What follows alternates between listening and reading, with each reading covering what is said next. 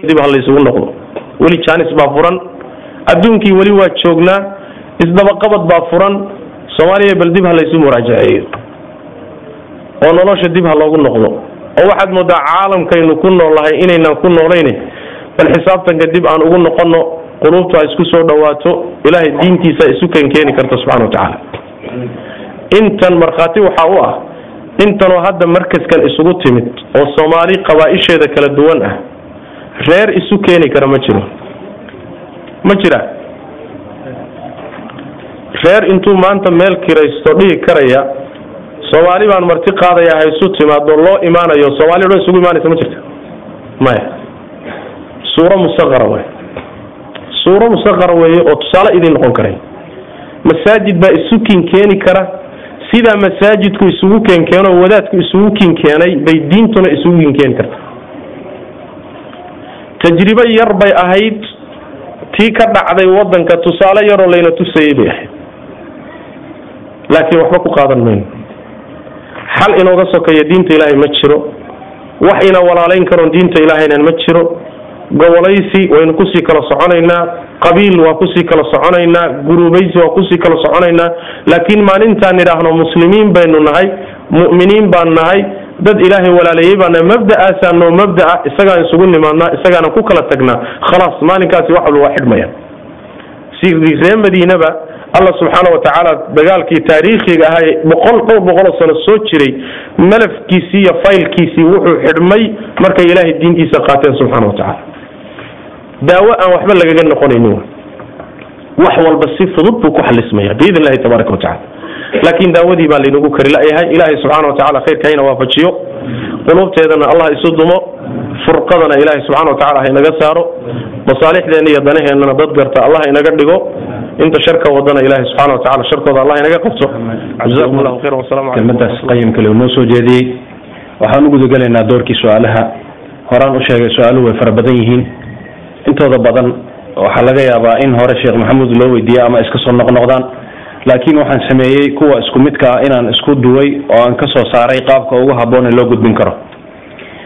Su'aashan waxay leedahay masaa'ilka qaar dadka xuseen in badan baan ku taamaynay in sheekh ka mid a culimmada soomaaliyeed ee fadwadiisa aan ku kalsoonaha u yimaado. Annagoo og su'aalaha inay soo noqnoqdeen haddana waxaan rabnaa inaan ku shafowno oo sheikha naloo weydiiyo. Isku soo duub oo xaaladda soomaaliya waxaa jirta in ummadda ee maraysa marxalad adag oo ka mid ah marxaladihii maanta aada khudbadda ku sheegtay. Waxa taa ka sii daran ay dadka qaar tilmaamayaan sida haddaba sheikha muxaadarada uu ku sheegaya in dib loogu noqday qabiilkii iyo kala rucleyntii oo qulubtii kala dhimatay. Cadow iyadoo wadankii ku soo duulay inaan isku si loo arag oo dadka qaar ay leeyihiin waxaa la ugaarsanayaa dad gaar ah. Qaar ay leeyihiin marka horean khaldannay oon degdegnay marka hadda in xabashi la isu dhiibo oo wadanka ay qabsadaan faraha laga qaado xal baa ku jira qaar waxay u arkaan su'aalaha ka muuqatay leeyihiin qabiil baa la gumaadaya. Dadkii ikhtilaaf noocaasa iyo furqo ayaa kala dhex gashay xitaa masaajidkii soo dhex gashay iyo goobihii dacwada. Marka su'aasha isku soo duub oo su'aaluhu waxay ku biyadhigayaan ka muslim soomaali ahaan iyo ka ahlu dacwo iyo masaajid ahaan maxaa nagala gudboon xaaladda wadankeena ka taagan? Maadaama dalkii haatan fidnada heerkaas adag oo maalinba meel sii jeeraysa uu marayo. Saa-il kale wuxuu leeyahay isla su'aasha iyadoo aan ku daba xirayo hoosu dhicii iimaanka aad ka sheekaysay waxaa ka qayb ah in culimmadiinii aada shib tiraahdeen oo afka xirateen. Marka arrintaas maxaad uga hadli weydeen waa isku soo duub su'aalihii. Waxaa ku jira kuwo fara badan oo in la isku caayo. Hadda munaafiq baa tahay tigree baa tahay. Qofka qofka kale uu ku tuurayo maaragtay arrimo noocaas oo kale ah dad walaalaha oo leh arrintaas laftigeeda way soo baxday. Isku soo duub oo fitanka noocaasa sidee looga muusi karaa bismillahi raxmaan raxiim nabigu sal lay wasalam waxaa ka sugan xilliga fitanku dhacaan. Laba nin baa fitnada ka badbaadi buu nabigu sal lay slam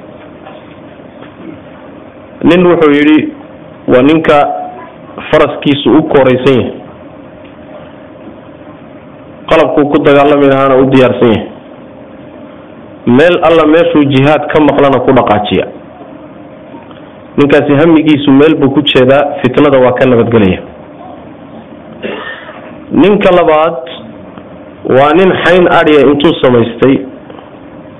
Meelahaas roobku ka da'o xayntiisa geystay. Adhigiisa meeshaa ku tabcada.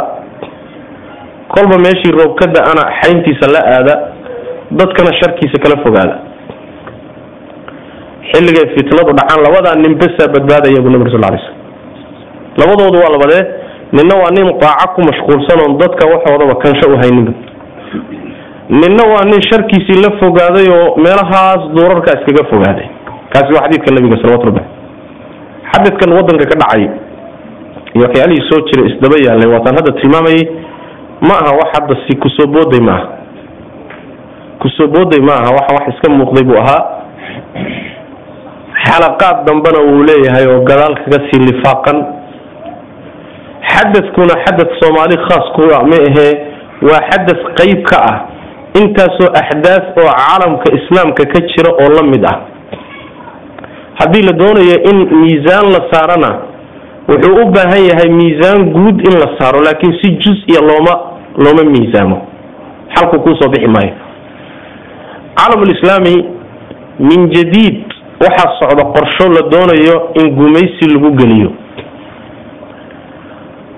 soomaali keliya maaha dig soomaali baa isa soo laysay ree hebel ree hebel warkeeda ka baxa laakiin meesha waxaa yaalla caalamulislaami in gumaysi dib loo geliyo.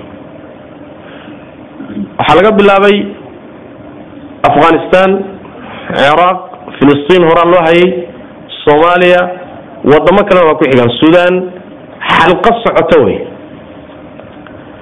istraatiijiye marka socota baynu inagu ama fududaynaynaa qaybo ka mid a ama sahlaynaa ama fahamku inala khaldamayaa mooye.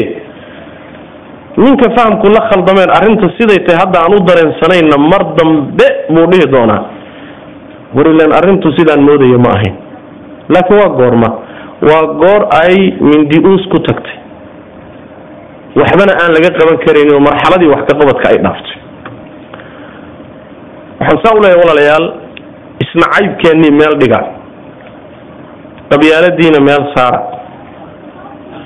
Islayntaan islaynayna meel saara. Alla wuxuu yidhi waalfitnatu ashaddu min alqatli. Fitno iyo gaalnimo ayaa ka daran dilka.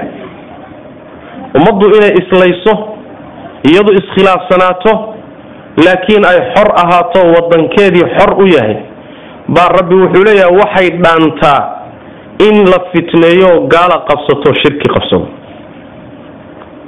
waa aayad qur'aan w leanna khilaafka iyaga dhexdooda waxa ugu weyn uu keeni karo waxa weeyaan waa uun dhiig daata iyo xoolo la biliqaysto iyo qaran duma. Laakiin dadkii diin bay ku dhimanayaan. Markiise cadow shisheeyaa intuu u yimaado gaalo qabsato mas'ale intaba ka muhiimsan baa lumaysa oo diin baa lumaysa waalfitnatu ashaddu min alqatli arrinta marka waxaan ku soo gabagabaynaya walaalayaal meeshan aad wada joogtaanna waxbaa iskhilaafina. Tala idinma taallo. Waxbana gacantiina kuma jiro. Haddaad iskhilaaftaan iyo haddaad wada socotaan toona waxa wadanka ka socda laydinkalama tashanayo ma talaad ku leedihin amaa laydinkala tashaday? Wadanka tala kuma lihidin sooma wax tala kuma lihidin maraaxisha uu marayana tala kuma lihidin. Waxaba yaraatee laydinka weydiinayana ma jiro. Kan gaalka watana waxba idinma weydiinaya. Kan ka hor jeedana waxba idinma weydiinaya. Hal mid baan idiin dardaarmaya bal horta danihiinna wadamadan markaad joogtaan idinkii baad luunsan oo khatar ku jire danihiinna iyo masaalixdiinna inaad qabsataan bal horta u midooba. Waa mid. Midda labaad weeyaan aragtida qadiyadaad aad ku fiirinaysaan wadankii arrimihiisa yayna noqonin arrin qabiil eh arrin ha noqoto mabda iyo diin iyo wadan iyo qaran iyo maxaa hallaabay markii miisaanka halka arrinta laga fiiriyo ee qabiil iyo qabiil ha ka fiirinina. Qabiil baa duulay qabiil kalea lagu duulay taasi waa wixii yani dadka yani waxa wax magaradka lagu maaweeliyo wa masale kaleetana ku dhaga. Ethoobiya oo cadaawad taariikhiya naga dhexayso oo carabta israa'iil meeshay ugu jirta iyo yahuudda innaga inoogu jirta. Reer soomaaliyeed oy gooni ugu danaynayso ma jirto. Masaladaana qabsada reer soomaaliyeed oy gooni ugu danaynayso oo dawlad ay u istaajinayso oo reerkii ka soo horjeeday ay ka burburinayso ka takhallusayso ma jiro. Waa qarow. Waa nooc qarow ah waay qodobka kale meesha ku jira waxa weeye cadowgaagiibaa intuu dawlad iskuu dhiso qaran kuu dhiso buu ku leeyahay wabillaahi tawfiiq. Dawlad baan kuu istaajiyey hedawakaase ku naso. Miyay idinla tahay?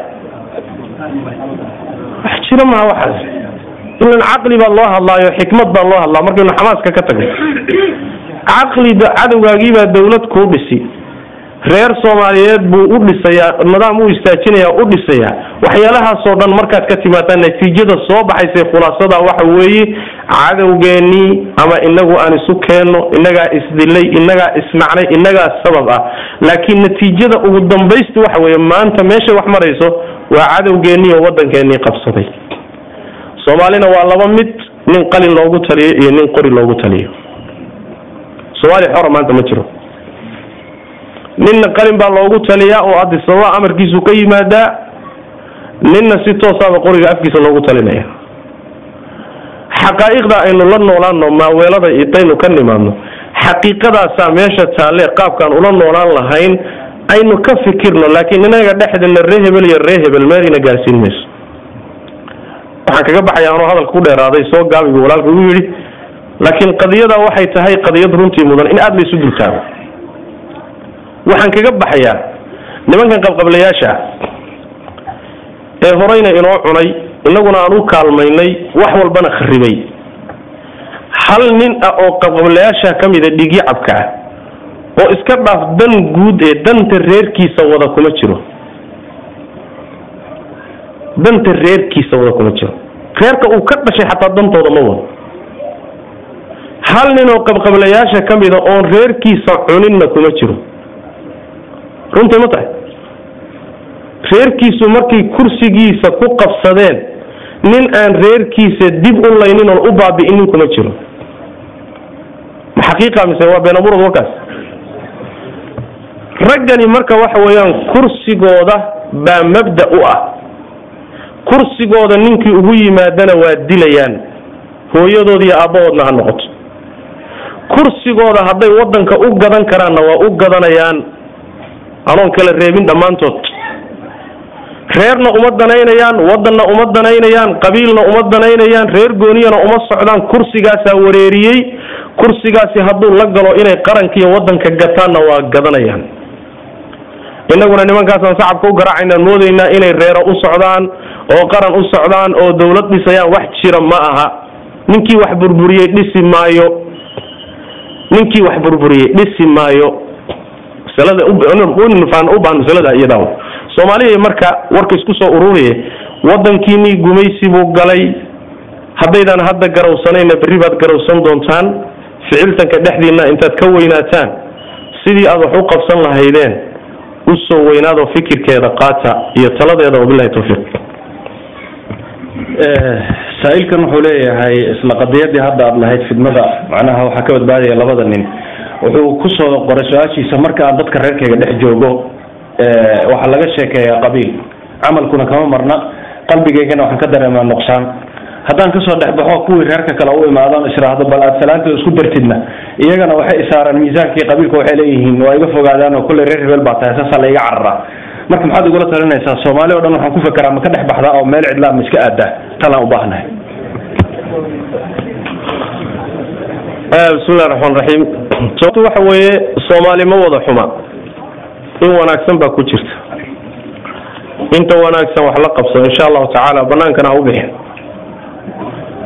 Banaanka ha u bixin leanna dad banaanka u baxda kuwa iyaga ka xun baan ka yaab inaad u gasho. Marka dad badan oo akhyaaraa jira dad fayow baa jira dad culimaa baa jira dad akhyaaraa jira dad yani waxa weye waxaa jira bisil oo runtii waxa weye ama axdaaftu bislaysay ama ilahayba subxana wa tacala qalbigooda toosiyey dadka intooda akhyaarta wax la qabso insha allahu tacaala. Ummaddu qabiil ma wada dilin qaar qabiilku ku jira waa jiraan laakiin qaar fayow baa ku jira. Wabilahi tawfiiq. Su'aalaha fiqigaan u geli doonaa insha allah marka sheekh waxaan ka codsanaya inuu noo soo kookoobo waktiga oo aada nooga yara su'aalaha badan. Su'aasha ilaa shalay soo noqonaysay oo warbixin kooban oo ku saabsan taxfiidka qur'aanka ee ka jira kenya ama jaaniska guud ee xagga waxbarashada carruurta ee ka jira kenya. Waxbarashada aada dooneysaan waan garanayaa. Dadkiina dibadaha jooga. Ilmaha ood ku rafaadeen meel aad iskaga tuurtaan baad rabtaan oo oo laydinka hayo. Taasina meel laga helayo ma jirto. Walaa kenya walaa meel laga helayo ma jirto.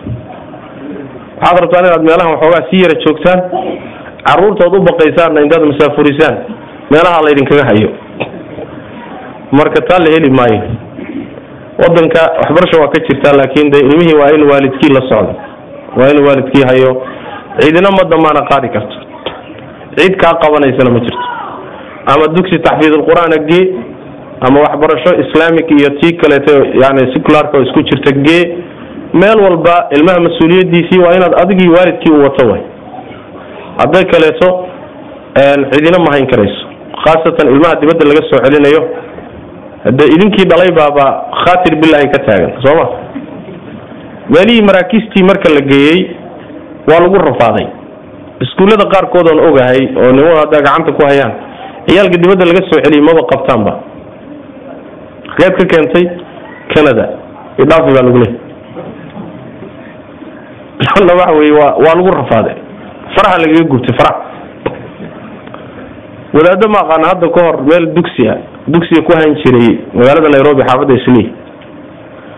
Ayaa waalid ilma ay meeshan ka kaxeeyeen bay ugeeyeen waxay idhaahdeen dhaqan celin noogu sameeya. Wadaadadii guryey kareeyeen ciyaalkii bay guryihii seexiyeen sariire iyo boodhin waxbay u sameeyeen meeshay cunto ugu hagaajiyaan. Ilmahan ma yani waxa weye ilmo waxaasi yani laguba hayn kara maba ahaba. Markay fadqalaladoodii kari waayeen bay markii dambe silsilada intay qaateen bay lugaha ka xidhxidheen. Iyagoo lugaha ka xidhxidhan ayaa mid iyaga ka mid ah maalin xanuunsaday macalimiintii rag ka mid ah sii qaado isbitaal baa la geeyey. Isbitaalkii markii la geeyey dhakhtarkii loo geeyey ingiriisku yaqaana waa wiil yar oo dhowr iyo toban jir ah ninkii dhakhtarka habuu dan sheegtay wuxuu hi niyaho meeshaasaa layga keenay. Niman argagixisaana meeshan igu xidhxidhay bu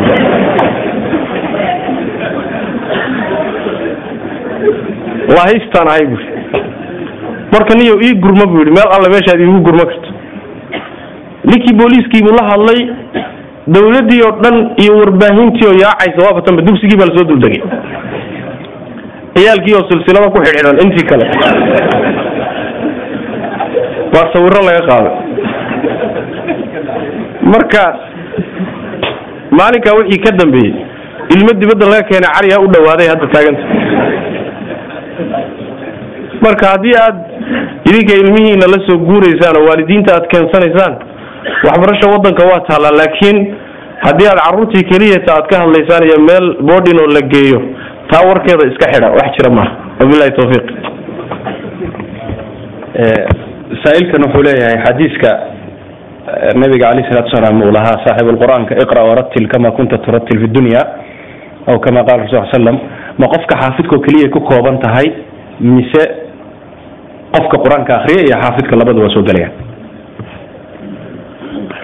maya labada way soo gelayaan ruuxa qur'aanka xifdisan iyo ruuxan xifdisanayna akriya labada way soo gelayaan oo darajadiisa maalinta qiyaamada waxaa lagu siinayaa qur'aanka sidaad adduunka u akrin jirta akri baa lagu akrinayaa wuuna soconayaa darajaadkuu fuulayaa aayadda ugu dambaysa meesha ay ku go'do baa darajadiisa.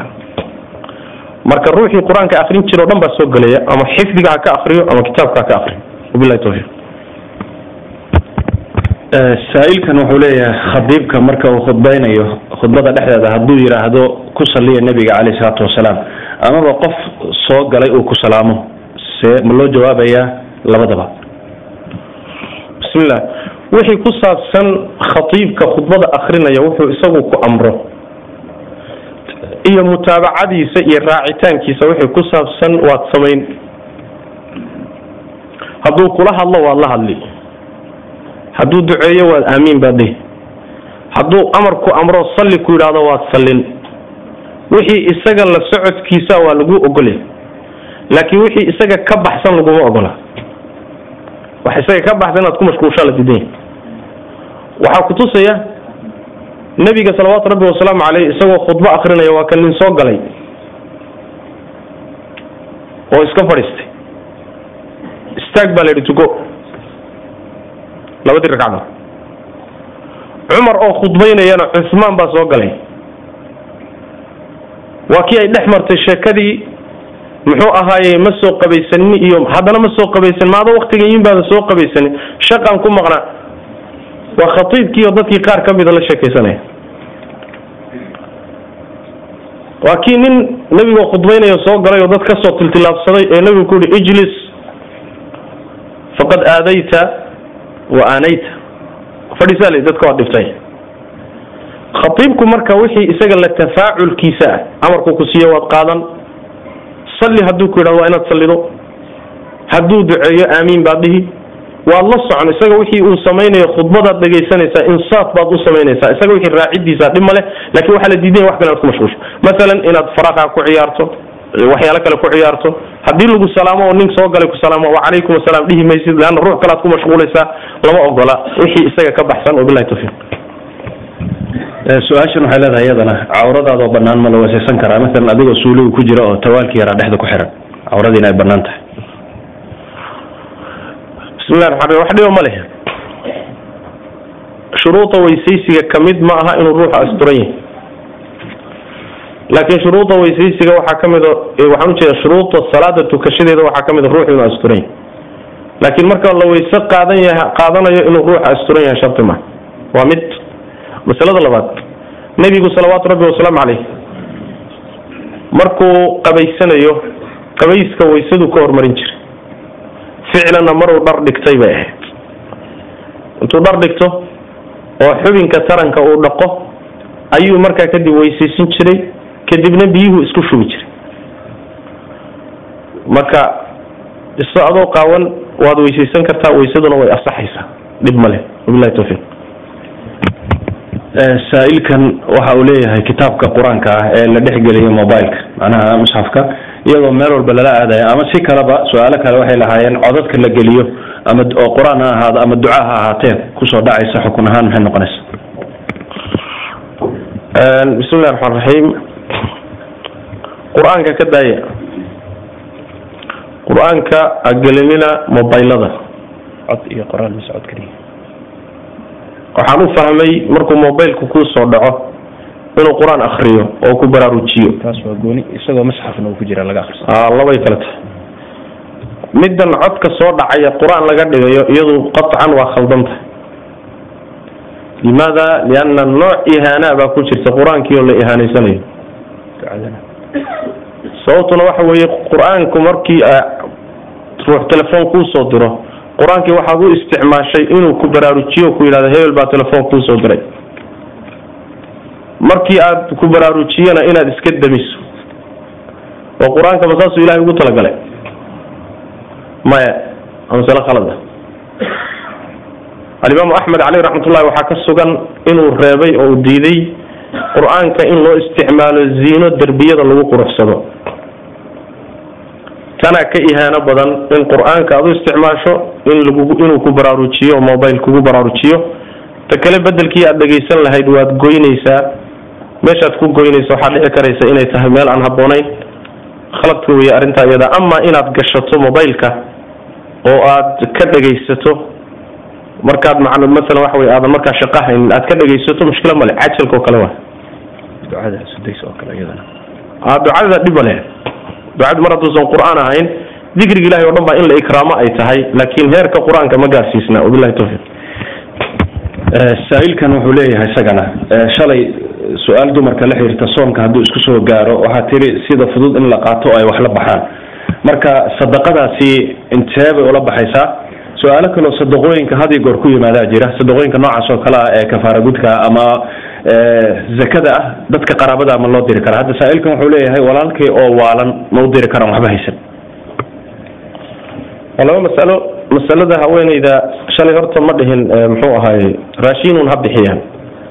Waxaan idhi haweentu hadday soomi karto soom baa laga rabaa. Haddii soonku ku adkaado haweenaha isku nuugga umula oo soonkii u bato oo ay u suroobi weydo markaa uu xaraj iyo cidhiidi ay noqoto marka raashin ha bixiso ha qaadato fatwadii cabdullahi bni cabaas iyo cabdullahi bni cumar radi allahu tacala canhuma raashinka ay markaa bixinayso xaalada iyada ah wuxuu noqonayaa maalinkiiba hal miskiin bay quudinaysaa intii tiro lagu lahaa. Intii tiro lagu lahaa. Quudinta halka miskiin la quudinayo waxay dhici karaysaa raashiin ingegan oo uu karsado in la siiyo. Wuxuu noqon karaa wax hal mar ku filan qiyaas ay shareecadu dejisay oo ama saac ah ama nuso saac ah ama kiilo ah ama nus kiilo ah ma jirto. Laakiin ijtihaadaadka culimaduna waa isku khilaafsan yihiin nusuustu waxay cabirtay uun miskiin quudintii. Macnaheeduna waxa wax miskiin hal mar ku filan waa inaad siiso. Hadduu raashiin ingegan yahayna wax hal mar ku filaan kara waa inuu yahay. Haddii intaad kariso isagoo bisil aada siisana ood hal mar dherjisana waa khayr hal mar waa la samayn karayaa oo masalan haweeneyda yani saddex bilood ay ka tagtay sagaashan beri hal mar intay xaflad samayso raashiin ah sagaashan miskiin way ugu yeedhi kartaa hal mar. Anas bnu malik markuu duqoobay soddonka beriye soonka ah hal mar buu intuu masaakiin isugu yeedho raashin karay buu hal mar cunto siin jiray. Hadday kala qaadqaadana way heli karaysaa. Qaraabada iyo qaraabada sekada ma la siin karaa ma sadaqada ha sekada waa la siin karayaa sadaqadana qaraabada waa la siin karaya laakin bisharti waa in uu yahay ruuxaasi dadkii sekada lahaa ama miskiin ama faqiir ama waa inuu soo galo sideedii sekada la siin jiray. Walaalkaa ha noqdo adeerkaa ha noqdo in adeerkaa ha noqdo abtigaa ha noqdo habaryartaa ha noqoto kulli sekada waa la siin karaa hadday masaakin yihiin. Wax na soo diidayana ma jiro. Bal xadiidka nebiga waxaa laga qaadanayaa sakada iyo sadaqada iyaga la siiyo inay ka ajir badan tahay ruux kaa shisheeyo ka fog iyaga sadaqada la siiyo. Wax diidayana ma jiro. Xataa waxaa laga doodaa waalidiinta iyo caruurtaada haddii aadan wax kale u heli karayn wax kale haddaadan u heli karayn sakana aada bixintahay iyagiina baahan yihiin iyaga laftooda waad siin. Haddaadan wax kale u heli karayn haddaad wax kale u heli karayso iyaga waxii kale sii sakadana dadka kale sii. Lakin haddaad iyagii wax u weydo baahan yihiin waalidkaa oo baahan wax kalena aadan u heli karayn sakada cid kale si lagu dhihi maayo. Saas way macnaha saasaa sawaaba masaladuna wax daliil oo rasmi oo mancinaya ma jiro. Saa-iilkan wuxuu leeyahay xoogaa wadanka markii la soo galay waxaan yara dhex dabaalanay arrimo been ah sida magicii da-dii waxyaaba fara badan. Toobadkeen waa jiraa laakiin wuxuu yidhi waxyaabaha qaarkood lama bedeli karo sida magaca awowahaya aabahay wixii lamidka ah. Haddana waa ku shaqaysanaayo wixii waa ku dhex jirnaa. Marka xaalkusuu noqon de haddayna waxbaba ka qaban karaynin maxaan anagu idin dhihi. Macnaha ma ma qiil noo samey baad rabtaan inaad dhahdaa fattaqu llaha ma stadactum wa inta karaankiina ilahay ka baqa subxana wa tacala wuxuusan ruuxu kari karaynin ila aladiina taabuu wa aslaxuu. Ruuxu markuu toobad keeno wixii uu haleeyey inuu hagaajiyaa sharti ah laakiin wixii aada halaysay wixii aadan hagaajin karaynin oo awooddaada ka baxsan ilahay kuu qabsan maayo wixii laakiin aada hagaajin karto hagaaji. Wabilahi tawfiiq. Su'aal aada u soo noqnoqotay oo laisweydiinayo waxay leedahay waxaan maqalnay salaatu duxada oo la joogteeyo. Bidco wey ma aha sunno maaha. Marka arrinkaas maxaa ka jira xoogaa waa geli weyday dadka. Arrinta waxay ka imaanaysaa culimada qaar baa ku tegay oo waxay leeyihiin axaadiista salaatuduxada sheegaya iyo xadiidka caaishay kulminayaan ay dhihi jirtay ma arkin nebigoo sal alay slam tukanaya. Ma arkin nebigoo tukanaya bay tiri saxaabada kaleetaa ka wariyay inuu nebigu tukan jiray abu hurayrena wuxuu u dardaarmayba ha ka tegin labada ragcadood ee salaatuduxada culimada qaar baa marka waxay isku waafajiyaan oo yidhaahdaan maadaama caaisha oo nebiga u badnayd ay sheegtay inaynan arag nebigoo tukanaya waxaa laga qaadanayaa in badan inuu nebigu ka tegi jiray salawatu rabbi waslamu caleyh hadduu daa'imi jiray way ku arki lahayd. Qaطcan marka in marna la daayo marna la wado. Oon sida sunanka mustamarka oo kale laga dhigin daa'imka ah. Ayay culimadaasi qabaan culimada qaarna waxay leeyihiin caaisha cilmiga mayna wada koobina hadday iyadu nebiga ku arki weyday rag baa ku arkay. Waman xafida xujatun calaa man lam yaxfad. Saxaabada qaar baa cilmi ka qarsoomaya kuwo kala sheegaya khaasatan dardaaranka nebigu uu u dardaarmay abu hurayra waa qawli waay marka laa maanica ruuxii istimraaro oo sunnada duxada daa'ima wax maanica ma leh. Waa un macnaha waxa weyaan ra'yi culimada qaarkood ay axaadiista isku day inay ku jamciyaan. Laa ba'sa insha allahu tacala billahi tawfiq arrintan waxay la xiriirtaa xagga masxiga masaxa khufeynka ama sharaabadada saa-ilku wuxuu leeyahay iyadoo aan xanuunku hayn oon qabow jirin oon dhib jirin miyaa la iska masaxanayaa baalaha? Midda kale waxa la masaxaya ma sharaabadadii baa mise waa waa khufkii nabigu sal alay wasalam wuxuu ummadda u baneeyey inay masaxaan jawaarigta xadiid abu daawud ku yaalana kabaha. Khufeynka axaadiistooda iyagu waaba iska badan yihiin kulligood waxay faa'iideynayaan wixii lugta ku jira. Ee in lugta laga saarana ay adag tahay oo waxoogaa mashaq iyo dhib ka imaanayo lugta iyadoo ku jirtaa korka laga masaxayo. Ama khuf ha ahaado harag ka samaysnaado. Ama sogs ha ahaado maraha ka samaysnaado. Ama kab ha ahaado kabaha laftooda harag bay ka samaysan yihiin. Korkaa laga masixi karayaa waana waxyaalaha shareecadu ay fududaysadii ka mid takfiifka shareecaday ka mid bal waxaan dhihi karaa marka la fiiriyo cilada iyo sababta shareecadu masaxidda ay u fasaxday.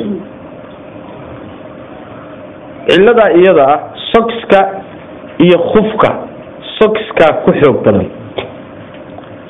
Sababtuna waxa weye sogska haddii inta lugta laga siibo la dhaqo lugtii inaad haddana sogska dib u gashataay dhib bay leedahay lugtii waa qoyan tahay inaad ingejisay kaaga baahantay iyadoo qoyan haddaad gelisana sogski waa uraya kabtiina waa urinaya. Khufku saas maaha mashaqo ahaan marka la yidhahdo marka uf sogskaa ka mashaqo badan.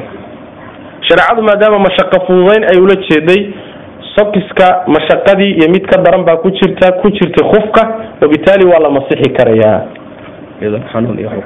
iyadoona xanuun iyo waxba ku xidhnayn baa la masixi karayaa shardi baase ku xidhan. Marka horead xidhanaysay waa inaad wayse qabtay adoon wayse qabin haddaad xidhato ma masixi karti markaad xidhanaysa waa inaad wayse qab ku xidhato. Marka labaadna haddaadan safar ahayn markaa habeen iyo maalin ka badan ma sii qabi karto ma sii masixi karto. Habeen iyo maalin baad masaxaysaa waa inaad furto markaa kadib. Ood lugta dhaqdo. Haddana waad xidhan kartaa habeen iyo maalin dambaad haddana qabi karta haddana waad xidhan kartaa habeen iyo maalin kale habeen iyo maalin kastaba waa inay furid udhaxayso haddaad musaafir tahayna saddex habeen iyo saddex maalmood baad qabi kartaa ood masixi kartaa. Wixii ka dambeeya waa inaad furto ood lugta dhaqdo haddana dib u gashato. Saddex beri iyo saddex maalmood oo cusubba haddana kuu bilaabanaya. Wahaakada saasaad ku wadaysa sifada loo masaxayo waxaa loo masaxayaa gacantoo qoyan baa korka laga marinayaa inta cagta mise ilaa kor maya inta cagta a korkeedaa la marinayaa. Qaab gooniyoo loo mariyo ma jiro. Kutubta fiqiga ah qaab bay tilmaamaan oo lugta lugta u saaro saas dhaho haddana saa u rogo saas dhaho. Sibay wax u farsameeyaan laakiin waxa wey waa un iska ijtihaadi wa muhimadda waxa wey gacantoo qoyan lugta kor mari. Waa bas waa inta. Hoosta inaad ka mariso looma baahno xadiiska nabiga siduu kusugan salawatu rabbi waslamu caleyh waxaa jirta qadiyad isla masaxa la soo xiriirta haddii wadankan xilliga qababaha waxaa la qaataa laba sharabaad. Qofka marka waxaa dhici karta mararka qaarkood inuu saaka masixi bilaabay laakiin goor dhexe uu mid iska siibo labadii. Marka xukunkii ma la tegayaa mise maadaama hal ay ku hartay xabadda si masaxaysa. Aad baa su'aasha u soo noqnoqotay midka aada masaxday masixii aada masaxday xukumkiisii lugtuu u gudbay wax xukuma ku xidhanna ma jiro. Waxay ka dhigan tahay adigoo timo leh. Haddaad timaha masaxdo oo timihii iska xirto ka warrama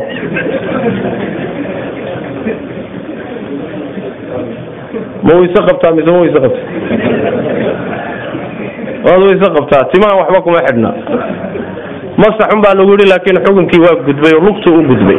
Bahaaradii waa kaamil marka soogiskana aad siibtay wax ku xidhan ma jiro.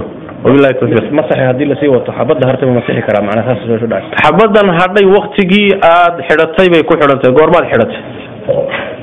Afar iyo labaatan saac inay soo wareegto maad fiirinaysa.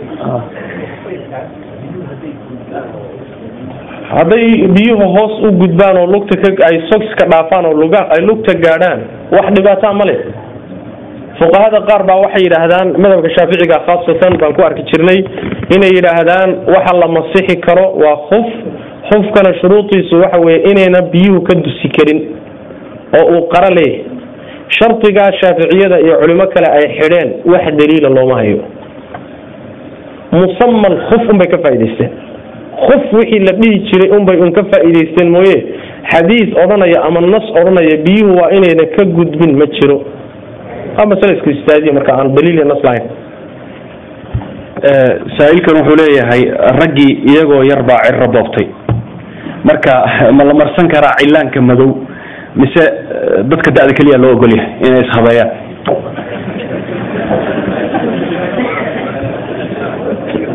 bismillahi raxmaan. Adduunyadan aad arkaysaa ninba meel baa dhib ka haystaa rag baa timahoodii ku rabaadsan ama dhalinyaro ahow ama duq ahow mar hadday timuhu isbedelaan oo ciroobaan wax madow ama marin kartid. Magacaad doonta adigu ku magacow ama cilaan u bixi ama kilaan u bixi waxaad doonta u marba hadduu midabku madow yahay lama ogola midabku hadduu gudu uu yahay midabkan jaallaha cilaanka ama uu isku jiro oo katamka baalka la yidhaahda katamka macnaha waxa wey waa jaalle iyo madow isku jira oon madow dika ahayn. Waa la marsan karaa markaa.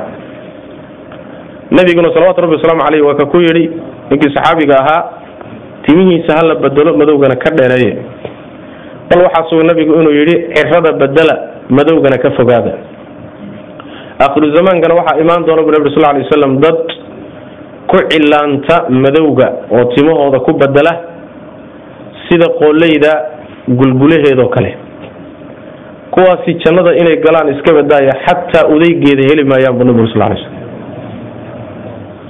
marka laga fogaado madoobeysada ka fogaada ama cilaan ha lagu magacaabo ama magac kale loo bixiyo waayahan dambe waxaa soo baxay midabkii madoobaa oo haddana cilaan la leeyahay marba hadduu madow yahay cilaan maaha marba hadduu madow yahay waa madoobeyso cilaan maaha mana la marsan karaya. Wabilahi tawfiiq. Rag iyo dumar waa isku mid. Rag iyo dumar lama kala qaadin. Madoobeyso waa madoobeyso yani waxa weeyaan timo ciroobay iyo timo aan ciraysaninna midna lama marin karo. Wabilahi tawfiiq. Waxay leedahay si guud macnaha iyagoo qaabo kala duwan yimaadeen laakiin waxaan ku soo koobay xubnaha jirka qof baa xubin jirka ka mid oo muhiima ka xanuunsaday noocay doonta ha ahaato wuxuu rabaa inuu soo iibsado xubin. Marka arrintaasoo ayaamahan dambe aada u noqotay su'aalaha la isweydiiyo. Arrinkaas maxay diintu ka qabtaa? Bismi llahi raxmaan raxiim jidhka bini aadamka waxyaabaha ilaahay bini aadamka awood u siiya uu ku tasarufi karo ka mid ma ah jidhka bini aadamka iyo wixii ku jira lama gadi karo lagamana ganacsan karo waa xaaraan lianna allah subxaana wa tacaala jidhka bini aadamka wuu karaameeyey oo wuu sharfay. In marka laga ganacsado ama la gato ama yani wax weeyaan lama ogola. Waa xaaraam ka iibinayana waa xaaraan ka ka iibsanayana waa xaaraan waa hadday iibsi noqoto. Waxay ka doodayaan culimmadu haddii uusan iibsanin laakiin la siiyo oo loogu tabaruco deeq lagu siiyo. Keli baa loogu deeqay wadnaa lo beer baa loogu deeqay muxuu ahaayey waxbaa loogu deeqay. Haddii ruuxa xubinka loogu deeqo ma loo gelin karaa mise looma gelin kara culimada qaarkood ka doodayaan? Oo mas'ale caan ahoo culimada casrigan jooga aada isugu khilaafsan yahay qaar waxay leeyihiin looma gelin karo. Sababtu waxa weeye ka laga saarayo iyo ka la gelinayo labaduba waa u baahan yihiin kan laga saarayo intay ku jirto xubinkani inuu shaqaynayo waa la hubaa. Kan la gelinayo laakiin waa baktiyaa nasiib. Ma u shaqayn doontaa mise u shaqayn maayo? Wax iska baktiyaa nasiiba in loo galo wax la hubana looga tago xubinkii looga saaraayo waa khalad bay leeyihiin waxay ku celinayaan mar labaad bini aadamku jidhkiisa ma sadaqaysan karo iyadana waxa wey qaar baa qaba qaarna waxay leeyihiin naf bini aadam baa la badbaadinayaa xubinkan uu ruuxu bixinayana naf kaluu ku bax ku badbaadinayaa oo ku furanaya. Marka labaadna inta badan xubnaha la bixiyo waa xubnaha labalabada ah oo midkood ilaa xaddi maa la saari karayo. Marka waxay leeyihiin naftan ha lagu badbaadiyo waana ra'yi culimmada qaarkood ay qabaan. Labadaba waxay isugu imaanaysaa markii ruuxa la siinayo oo cid ugu tabarucaysa la helo markaasi waxa waxaa la dhihi karaa waa macquul amaa in la soo iibsado ka iibsanayana waa xaaraam ka ka iibsanayana isaguna waa xaaraam mas'alo bannaan ma aha wabillahi tawfiiq. Saa-ilkan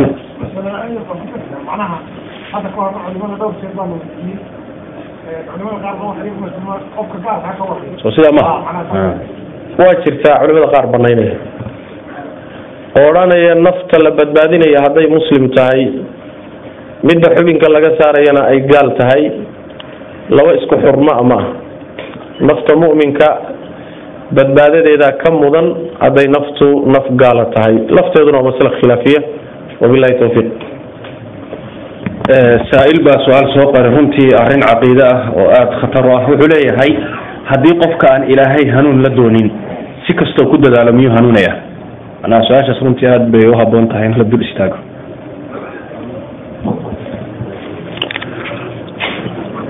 nabiga waxaa ka sugan sal lay waslam xadiid uu yidhi alle markuu bini aadam ka abuuray bini aadamka waxaan dhihi intuusan abuurin ayuu ilaahay nuurkiisa ku firdhiyey. Nuurkii maalinkaa alla uu ku firdhiyey ciddii uu gaadhayna iimaankuu qaadan markuu yimaado adduunka yimaado oo ku soo biiro.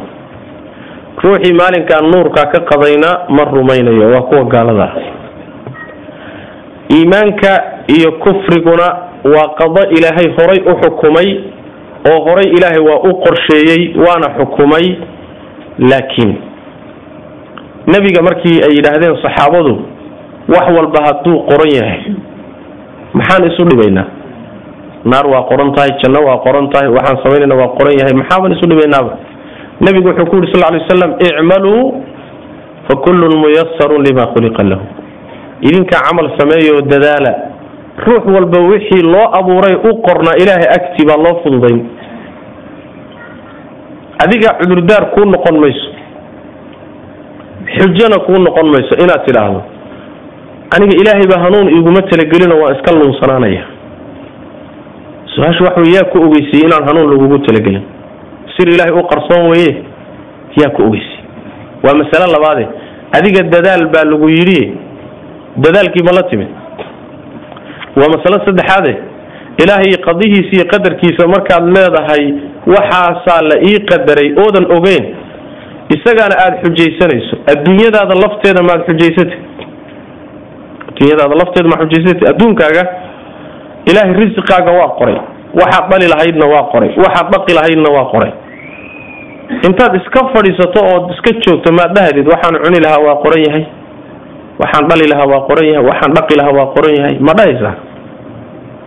Mise waad ordaysaa? Waa ordaysaa? Xamaal baad gelaysaa ganacsi baad gelaysaa ribix baad raadinaysaa maad iska fadhiisata waa qoran tahay.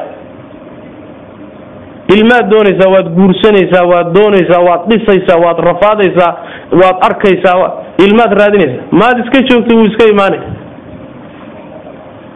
Ya ma yeelaysa waad ordi sooma. Nin baa kuu imaanaya wuu ku dharbaaxayaa wuu ku dulmayaa wuu ku dilayaa xoolahaaguu qaadanaya. Ilaahay baa qadaraya maad iska daysa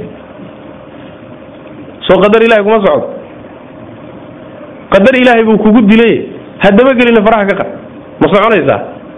Ma soconayso. Ilaahay qadihiisa iyo qadarkiisa waa wax isaga u qarsoon waa waxuu isagu meel dhigtay inama sheegin adigana ma xujaysan kartid adiga dadaal baa lagaa rabaa. Saad adduunyadaada ugu dadaalayso diintaadana ugu dadaal. Rabbina hadduu dadaal kaa waa ku waafajinaya biidn illahi tabaaraka watacaala wabillahi tawfiiq. Saa-ilkan wuxuu leeyahay sawirada inay xaaraam yihiin waan arag waan ognahay maxay noqonaysaa xaalka kutubta cilmiga laga faaidaysanaya sawirada ku dhex jiraan ama joornaalada qaarkood ee qofku inuu akristo uu u soo kiraysto ama u soo iibsado laakiin laga yaabaa in sawiro ay ku dhex jiraan. Xaalkaas muxuu noqonaya sawirku sida raajixa ah ama xooga badan ee nusuusta kutusayso kiisa kamerada lagu sawiro ka gacanta lagu sawiro midka mobeelada aada ku sawiraysaan ku dar. Dhammaantii waa xaaraan dhammaantii lama kala reebin. Nebiguna waa lacnaday dadka wax sawira. Waa malcuuniin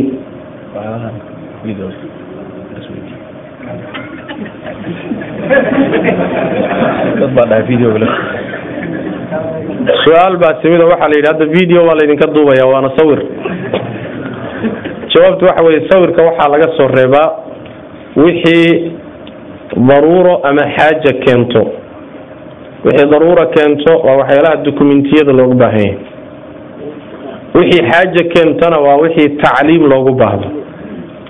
Wixii tacliim loogu baahda inay bannaan tahayna waxaa loo daliishadaa xadiidkii caaisha radi allahu canha guriga nebiga iyadoo joogto gabadh yar ah xaaska nebigana ah baa waxay lahaan jirtay baasha yartee gabdhuhu ku ciyaaraan.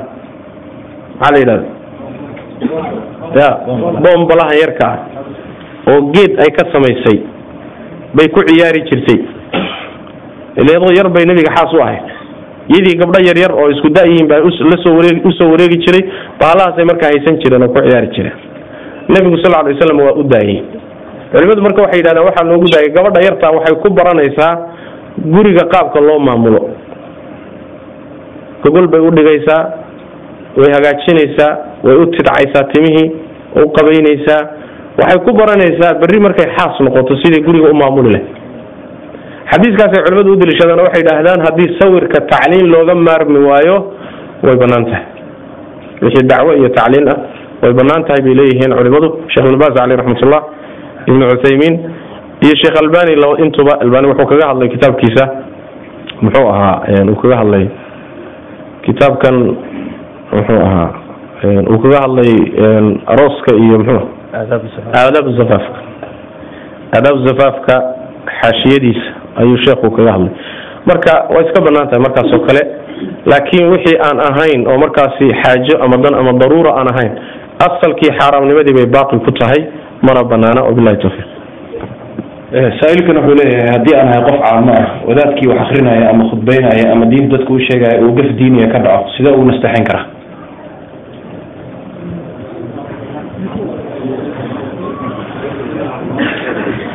Wax sheegu iyo wax isu sheegiddu caamanimo male mar haddaad masalada garanayso wadaadkuna ku gafay adaa culimo ah isaguna masalada caamuu ku yahay marka ku baraaruji dariiq wanaagsan u mar oo edebsan laakiin ninku waa sheekh. Loogama gabado mar hadduu gafo. Saxaabadu ridwaan ullaahi calayhim markii nebiga waxay fahmi waayaan ay ku arkaan markaaba su'aashay weydiin jireen. Aqasurat salaatu am nasiita ya rasuula allah waxaa dhici karaya shaygan aad khaladka u haysato inuuba sheekhu ku saxsan yahay laakiin adigu aad si xun u haysato soo ma? Adaa faa'iidaysan ama isagaad u faa'iideyn saxaabada raggooda yaryarka ah baa raggooda waaweyne culimada baraarujin jiray markay khalad u dhaco. Akthar min xaaditha bay ku timi ninka sheekhe culimada ana waa inuu u diyaarsan yahay inuu cilmiga nin walba keeni karo. Maaha inuu ninka sheekii wax walba koobay. Masaa'il yaryar baa ka dhuuman kara masaa'il yaryar oo dadka caamadooda ku baraarugsan yihiin baa laga yaabaa ninka sheekha inay ka hoos baxdo cilmigani waa bad ilaahay subxaana watacaala dadka qayb mid qayb yani waxa ninba qayb buu ka siiyey marka ha uga xishoonin hauna uga baqin waa sheekhe haddaad gaf ku aragto ku baraaruji hadduu sheekh kuma yahay insha allah wuu kaa qaadan biidn illah saa-iilkan wuxuu leeyahay su'aashana dhowr mar soo noqotay luminta dadka xagga wararka weliba gaar ahaan khaasatan haddaan nahay soomaali waxaa dhacda in lagu kala dhinto nin walba intu soo akriyo bejkii reerkiisa inuu hadhow isagoo buubsan ninka kale u yimaado hadhowna la isqabto marka arrintaas waxay naseexo kooban baan uga baahnaan lahay nabigu wuxuu uri sal ly waslam min zamanin ila waladi bacdahu sharu min zaman ma jiro ilaa ka ka dambeeya ka sii shar waagii hore waxaan ka cabaadaynay telefishinada iyo idaacadaha iyo joornaalada laakiin wixii oo dhan ka daro dibi waxaa ka daray daliga internet kuwaasi dhammaantood mid walba jiha la yaqaanuu ka soo fulaa joornaalku jiha la yaqaanuu ka yimaadaa ilaa xaddi maa wuxuun iskula hadlay. Telefishinka jiha la yaqaanuu ka yimaadaa ilaa xaddi maa qawaaniin iyo wax qabanayaa jirta idaacaddu jiha la yaqaanay ka timaada ilaa hadlimaa wuxuun xeer oo qatay laakiin ilahi baa kugu dhaariyay internetka waxaad ka soo arkay ma shaydaan baa qoray ma jin baa qoray ma insi baa qoray mataqaan adiga. Nin magaaladan kula joogaa baa laga yaabaa inuu qoray. Soo dheg oo uu geliyey. Adiguna waxaad leedahay waa xaqaa'iq wadankii ka timid. Warkan kula joogaa qoray. Ruuxa qorayay inta in leeg oo xeera oo uu tixgelinayo ma jiro. Waa lagaaga daba imaanoo amaa lagaa daba yimaadaana isma leh.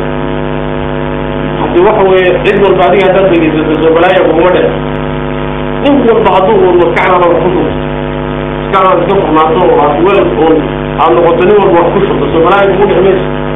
Aakhiru zamaanka wuxuu nabigu sheegay sal alay wasalam shayaadiintu intay dadka u timaado iyadoo hebel iska dhigaysa inay la sheekayn doonto u warrami doonto. Oo uu ninku dhihi doono war ninkii hebel la dhihi jiray baa mar dhaweydii soo maray oon meeshan intaan ku kulannay baan isxaafnay shaydaan isu soo ekeysiiyey baa ku maray. Heerkaasaa la gaari doona shayaadiintu xilli ay toos dadka ugu timaado hebel isaga dhigtaa imaan doontee shayaadiintu iyo min waraa'i kawaaliis darbiga gadaashiisa internetka wax idinku soo qoraysa haddaad akridaan oo tidhahdaan soomaali baa soo qortay soo dhib maha war waxaasi wax maha waxaasi qiimo ma leh. Waxaasi qiimo ma leh. Been oo dhan baa ka buuxda xaqiiqana maaha waxa internetka ku yaalla fitnadiisaana badan iyo balaayadiis inta ku fitnoobaysay inta ibtiloobaysaay xadma wixii hore oo dhan balaaye ka dartay. Balaaye ka sii daran isaga un baan la sugahay. Ma min zamanin ila waladii bacdahu sharun saa-ilkan wuxuu leeyahay shiikow waxaan aada uga xumaaday arrin dacaayad ah oo masjidka iyo dadka maamulka laga fidiyo. Marka naseexa lagaaga baahan yahay taasi oo ah buu yidhi in dadka qaar ay leeyihiin dumarkii maxaan muxaadaro u soo dirnaa markii muxaadarada loo soo diro rag baa xagga u jooga dahabkii ka furanaya marka arrintaas oo runtii dacaayadku ah buu leeyahay dadka maamulka ee masaajidka waxaa kaloo ay ku doodaan dadka qaarkood ay leeyihiin in wax bixiya la yidhaahdo ama dahab bixiya ama yaa wax la baxay ama qaabkan wax loo wado xaggee kaga sugta horta diinta oo wadaadadiinaan aada wad wadaan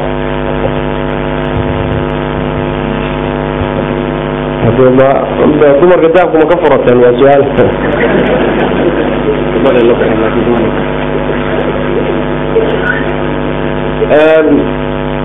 Arrintaasi meel walbay taallaa annagay nala taallaa meel walbay taallaa dacaayadda war wadaadadu maxaa dumarka dahabka uga furanaysa laakiin ragga mid baa ka maqan. Midda ka maqani waxa weeye dahabka adigu ma lihi. Ninkaagana odayga ahow dahabkan adigu ma lihi. Haweentaa iskale haweentu hadday sadaqaysatana bakaylnimadaada xoolo aadan lahayn oo dadkii lahaa la baxeen. Inaad tidhahdo maxaa loola baxaysoo qalad maaha haddaad ka baqayso soo gad in lagu yidhaahdana waayahan dumarku ayagaaba lacag loo soo iibsadaa. Yaaba idin weydiiyaba inta badan. Haddii ay ku tidhaahdo war dahabkii waan bixiye ku kale iisoo gadna. Hadda khiyaar baad leedahay ma gadayo inaad tidhahdo kii horan kuu soo gaday waad bixisay sadaqaysatay ka kale iibsa waad dhihi karaysa. Adiga laazim ma aha in mar walba dahab lagaa gado allahuma inaad dee nin jilicsan tahay mooya yani waxa wey waa isku diidi kartaa dahabka ma gadayaad dhihi karaysa laakiin gabadha dahabkeeda ha u diidan ha sadaqaysatee masalada labaadi waxa weeye dahabka aada xaaskaaga u iibisay ee ay sadaqaysatay ajirka iyadu ka helayso mid la eg baad ka helaysaa haddii niyadaadu fiican tahay. Laakiin waxaa nasiib xumo ah haddaad ka xumaato dahabkay sadaqaysatay ayadii ajir way ka heli laakiin adaa ajirkaagii dayacay masalada kale walaalayaal waxa weeye nebi maxamed baa laga bartay salawaatu rabbi wasalaamu calayh inuu dumarka dahabkooda bixiya yidhaahdo oo uu ka qaado. Fii saxiixi albukhaari bay ku taallaa inuu nebigu maalin ciid ah ummadda markuu wacdiyey kadib raggii ka soo tegay dumarka u yimid. Oo uu ku yidhi tasadaqna fa innii ra'aytu kunna akara ahli nnaar wax sadaqaysta waxaan idin arkay inaad naarta ugu badan tihiin bilaal oo nabiga la socday baa maro uu watay uu dumarka hortoodii ku fidiyey. Kadibna gabdhuhu dahabkoodii bay soo fuuray kii dhagadhaga qabtay dhegihii bay ku riday kii baashii qabtay way soo riday dahabkii bay maradii ku rideen nabiguna maradii waa la tegey iyo saxaabigii markii dahabkan ku daadiyay waa wax nebi maxamed ka sugan salawatu rabbi wasalaamu caleyh marka wax wadaadadu urursanayaan maaha waa wax idinka wax laydinku qaban bulshadeenni wax loogu qaban. Maraakiistan aad joogtaan dahabkaa gabdhaha laga qaaday inta idinka laydinka qaaday baa lagu hagaajiyay soo run ma wadankii maraakiis ka jirto ummaddu ka faa'iidaysanayso sidoo kale dahabkaa gabdhaha laga qaaday ee inta inta lagu qayliyey laga qaaday baa wax lagu hagaajiyaa. Dawlad ma lihino waa ogtihiin oo waynu rabaadsana waxoogaaga marka gabdhaha laga shaqshaqahayo maxaad uga xanaaqaysaa ya masaalix badan baaba ku taagan shareecada masal bay ku leedahay meel bay ku leedahay. Maxaa looga xanaaq maxaase loo jaa-ifay maraakiista iyo wadaadada loo jaa-ifay wadaadku waxaa laga yaabaa inta uu rafaadayo la jaa-ifeynayo inuusan yani waxa weye uusan xataa hal gram oo dahaba ka qaadanin soo ma dhici karto? Inta uu lacag ururinayo waxaa dhici karta koob shaah inuusan ka cabin inuu wax ku dara mooye. Haddana maca dalika isagii baa rafaadaya isagii baa eedaysan isagii baa wax idiin dhisaya isagii baa qatan marka khayrka aan isu kaashana watacaawanuu cala albiri waltaqwa walaa tacaawanuu cala alismi walcudwaan. Gabdhuhu dahabka ha sadaqaysteen dahabkeedana way baxsan kartaa gabadhu. Ninkay doondaysiin kartaa. Adigana waajib kuguma aha inaad dahab u iibiso dahabkeeda se xor bay u tahay ha sadaqaysato biidnillah inay ninkeeda idan weydiiso way fiican tahay. Oo xadiista nabigu waxay tilmaamayaan salawatu rabbi wasalaamu caleyh haweenaydu waa inaydan xoolaheeda bixinin ilaa ay ninkeeda idan weydiisato oo ay la socodsiiso way fiican tahay waa arrin wanaagsan laakiin laazim ma ah wabillahi tawfiiq saa'ilkan wuxuu leeyahay reerkii haddaan dhul islaam geeyo anna halkan aan ku soo laabto si aan iyagii wax ugu kasbo maxaad igu nasteexayn lahayd laakiin nasteexadu muusan faahfaahin. Ma mid labaad buu rabaa ma sidee ku noolaadaaba marka shiika koley ku dari doona. Bismillahi raxmaan raxiim horta waxaan idin dhihi lahaa ilmaha iyo reerka haddaad kaxaynaysaan israaca waa xalka ugu roon. Haweentii iyo carruurtii haddaad dirtaan wakti dheer maqnaan maayaan way soo noqonay maxaa yeelay adigii baa ka dambeeya waxaa tala xumo ah. Haweentii intaad dirtiy carruurtii oo tidhaahdo bal xamaal baan ku dambaynaya inaad meeshan mid kale ku guursatood ka dambaysiisa waa tala xumo waana khasaaro adigaa ka shaqeeyey inay soo noqoto waxa waa dumar. Naaqisaatu caqlin wadiin wey masayr baa la xidhiidha. Adiga laftaada haddii lagugu sameeyo naagtaada lagula guursado sharcigan idmin mooye maxaad samayn lahay soomada galgalateen marka wareerkan dumarka ku dhacaya hala yaabina waxyaalo fara badan baa markaa ka suuroobi karaya waxaa loo baahan yahay marka in intaad xikmad iyo caqli isticmaasho sida kuugu rooni waxa weeyaan reerka raac carruurta raac oo xagga uga xamaala mushkilana waxay noqotay bii-adan gacan ku haynta ee wax walba garantiya noloshii waa garanti gurigii waa garanti muxuu ahaaye biilkii waa garanti shaqadii haddaad weyda waxbaa soo dhacahaya noloshan garantigeed muddo ku jirteen. Waxay idin dhaxalsiisay waxa la yidhaahdo nolosha makhaatirteedaba inaydan waajihi karin. Mid baa waxoogaa kuusan la imaanayo dhulkaasuu imaanayaa ganacsi yar buu bilaabaya ganacsiga waana lagu fashilmaa waana lagu liibaanaa sooma wax yar caqabo yar baa ka hor imaanaysaa wixiiba intuu soo duuduubo waaka isagoo carar haddana soo noqday war noloshu suhuud bay u baahan tahay adkaysi bay u baahan tahay sabir bay u baahan tahay.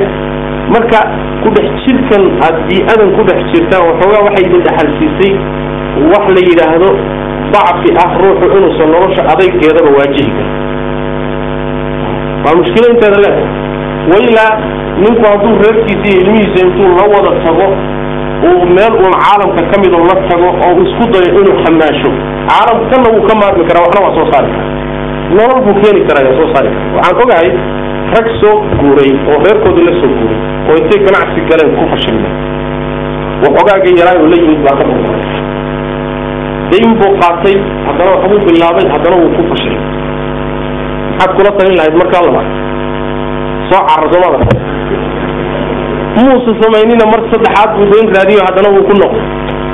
Ninkii sidaa ahaa maanta wadanka kenya ragga ugu dhaqaalaha badan buu ku jiraa milyaneer waa. Ya. Marka baasho adig adkaysi bay u baahan tahay carruurta soo raaca ha ka hadhin. Haddaad ka hadhaama maalmo soo xamaalaysaan ka daaya farsamada dambe ee gadaal ka imaanaysa wabilahi tawfiiq. Ninkii ninkii wax basaraysan kara la ninkii ninkii wax basaraysan kara isaga ma iska daa la ninkii wax basarin kara anugu sida wax loo basarin kara ma aqaane hawl isaga utaada ninkii nin tuur leta buu seexday isaga yaqaane laakiin soomaalina anuga kuwa waxba u qarsoonaan maayo. Haddaad doonaysa inaad wax qariso waxba qarsoonaan maayo. Marka ninkii rag rag yani waxa weye nin rag dooro waxaa jira nin dooraho isaga wax badan u karo. Laakiin caamatan sida badan sida aqlabka ah dumarka inta la diro guurka meelahan laga daba guursanayo fashal buu ku dambeeya carruurtii ilmihii kugu soo noqda dhib fara badan burbur buu keenaa. Afdal intaad raacdood xaggaa la tagto guurka labaad xaggaa ku samey iyadoo kula joogto ood wada joogtaan. Oo carruurtii markaa aad haysan karto ood hanan karto wax badan kuu kala hadhi karayaan waxaan ku soo khatimaynaa hal su'aal oo runtii qaabka loo soo qoray waan ka duwan laakiin xoogaa waxaa ku jira faragelin dhaadheeraad ah maadaama wanaagiya sirnaanta ay leedahay waxaan ku soo koobaya ururada ka furan wadankan ururo badan oo jamciyada jira ama waxaan o-yada loo yaqaano kale ah loona furo in bulshada gudaha iyo dibadda wax loogu qabto. Marka annagoon tafaasiil kale sii gelin maxaa naseexaad u soo jeedinaysaa oo kooban dadka noocaas oo kale ah mas'uuliyiinta ururadaas ah bismillahi raxmaan raxiim horta waa marka koowaad ururka marka la samaynayo waa in loo sameeyo inuu maslaxa qabto ummadda maslaxadeeda. Ta labaadna waa in aan ummadda lagu kala jebinin oo ummadda furqadeeda uusan ka shaqaynin. Saddexaadna ummadda magaceeda intuu ku shaqaysto waa inaan lagu danaysan waxaa badan oo marar badan dhacda magac wuxuu ku furan yahay matalan community ama wuxuu ku furan yahay dad magacood buu ku furan yahay waxoogaa baa la soo helayaa. Waxoogaagaa markii la soo helo dhowr nin baa laga yaabaa inayba ku danaystaan. Wixii magac caama lagu soo qaado oo dadweyne magacood aad ku soo qaaddo ama gaal ka soo qaado adigu ama islaam ka qaaday dadkaad ku soo qaaday baa iskale adigu ma lihi haddaad qaadatana waa guluul dhaca caadigee dadka xoolahooda ruux xoolihii aad dhacdo. Waxaa ka dembi weyn xoolo dad ka dhaxeeya inaad dhacdo. Ood qaadato. Leanna guluul baa la yidhahdaa maalinta qiyaamadana adoo ay korka kaa saaran tahay baa lagu keeni. Iyadoo wixii dusha kaa saaran yihiin baa khalqiga hortiisa lagu soo istaajin doonaa. Marka ummadda magaceeda inta wax lagu soo qaado yaan danaha khaaska lagu fushin qodobka kale meesha ku jira waxa weeye been iyo khayaano yaan la isticmaalin been iyo khayaano yaan la isticmaalin oo dadkan aad la nooshihiin iyo yani nidaamkan meeshan ka jira iyo mujtamacan aad la nooshihiin khayaano iyo been ha kula dhaqmin. Khayaano iyo been ha kula dhaqmin. Ilahi subxana wa tacala khayaanada ma jecla beentana ma jecla gaalna been looma sheego lamana khayaano muslimna lama khayaano beenna looma sheego. Cahdiga iyo ballanta aada isku ogtayna siday tahay u fuli haddaad wax soo qaaddo waxaad soo qaaday meeshii aada isku ogeydeen mari haddayna xaaraam ahayn. Laakiin laalaabka ka daa soomaali baynu nahayo haaliban waxaa yacni raasikiin ugu ahoo waxyaalahan dhaxallay ah. Gaalku mar hadduu gaal yahayba xoolihiisu waa xalaal. Gaalku xoolihiisu waa xalaal. Fikirkaasaanu wadanaa gaalka hal gaal baa xoolihiisu xalaal yihi waa gaalka dagaalku kaala dhexeeyo adiguna aada caddaysatay inaad la dagaalamayso kugu talagashan inaad la dagaalami adiguna aad ku talagashantahay inaad la dagaalamayso laakiin gaalku soo dejiyey wadankiisii ku keenay ku siiyey yani waxa weye jinsiyadii ku siiyey wadankii aad degan tahay xuquuq aad leedahay aad iska dhigayso inaad ka tirsan tahay raciyaddii waddanka deganayd. Haddana maca dalika aad markaad la qiilbaxayso aad tidhahdo waa gaal oo xoolihiisu waa bannaan yahay ma soconayso ma banaana inaad khayaano martaan been martaan laalaab martaan ma banaana. Communitiyada marka ururada la samaysto ma xuma in ururo la sameeyo dadka loo adeego. Laakiin waa inayna furqo iyo kalase ka dhaxaynin waa inayna dhaxalsiinin dadka waa inayna qabyaalad ku salaysnayn oo inta badan ururada soomaalida meelaha ku arkay qabyaalad iyo meelaha ay ku salaysan yihiin ree hebel iyo ree hebel maxaa weyn kudhinaysa waataan hadda ka hadlayna ummadda dhib inay ugeystaan mooye wixii la soo helo gacan aamina waa inay gasho oo meeshii loogu talagalay ku dhacdo. Khayaano iyo been waa inaan wax lagu keenin. Danahaaga khaaska waa inaadan u isticmaalin wixii magaca dadweynaha aad ku soo qaaday. Dardaamada iyo quyuudda iyo shuruudtaasaan kollay dhihi lahaa. Tafaasiisha waxa meeshan ka jirana dee ma ogin haddaan wax ka dhihi lahaa daakhilkiina maxaa jira? Iyo seebay ururadaasi u dhaqmaan ma garanayo. Laakiin guud ahaan intaasumaa jazahu allah khayran sheekhana alfaadir sheekh maxamed cabdi uman muxaadaradaasi iyo su'aalaha jawaabaha uu noo soo jeediyay. Ilah waxaan ka baryaynaa miisaankiisa xasanaadka inuu ugu daro. Yawma laa yanfacu maalin walaa banuun ilaa man ata allaha biqalbin saliim. Annagana oo naga dhigo kuwa hadalka intiisa wanaagsan qaato kuna camal fala. Eh, su'aalihii intaasay noogu egyihiin annaga xagla